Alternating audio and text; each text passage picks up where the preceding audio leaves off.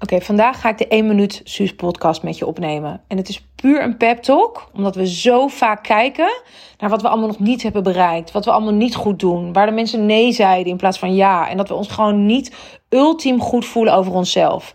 Terwijl wie jij bent is de nummer één reden dat mensen, en zeker high-end klanten, in jou gaan investeren. Dus voor nu wil ik dat je je energie helemaal shift van al die dingen die je nog niet hebt gedaan. Al die innerlijke kritische stemmetjes die zeggen dat je nog niet ver genoeg bent, niet goed genoeg. En die je gewoon echt totaal gewoon in de weg zitten. En dat je tegen jezelf zegt dit. Jij bent geweldig. Je bent meer dan goed genoeg voor alles wat jij maar wil aantrekken in de wereld. En klanten mogen echt super, super blij zijn als jij jouw talent en Zone of Genius met hen wil delen.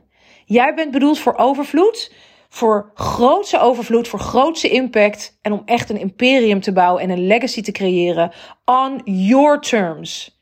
En voor niets minder.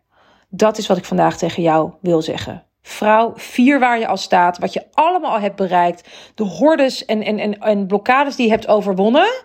En weet dat alles wat je misschien nu nog mogelijk moet doen, dat dat ook wel goed komt. Want kijk eens van hoe ver je al bent gekomen. Jij bent fantastisch. En moving mountains is nothing compared to what you can do.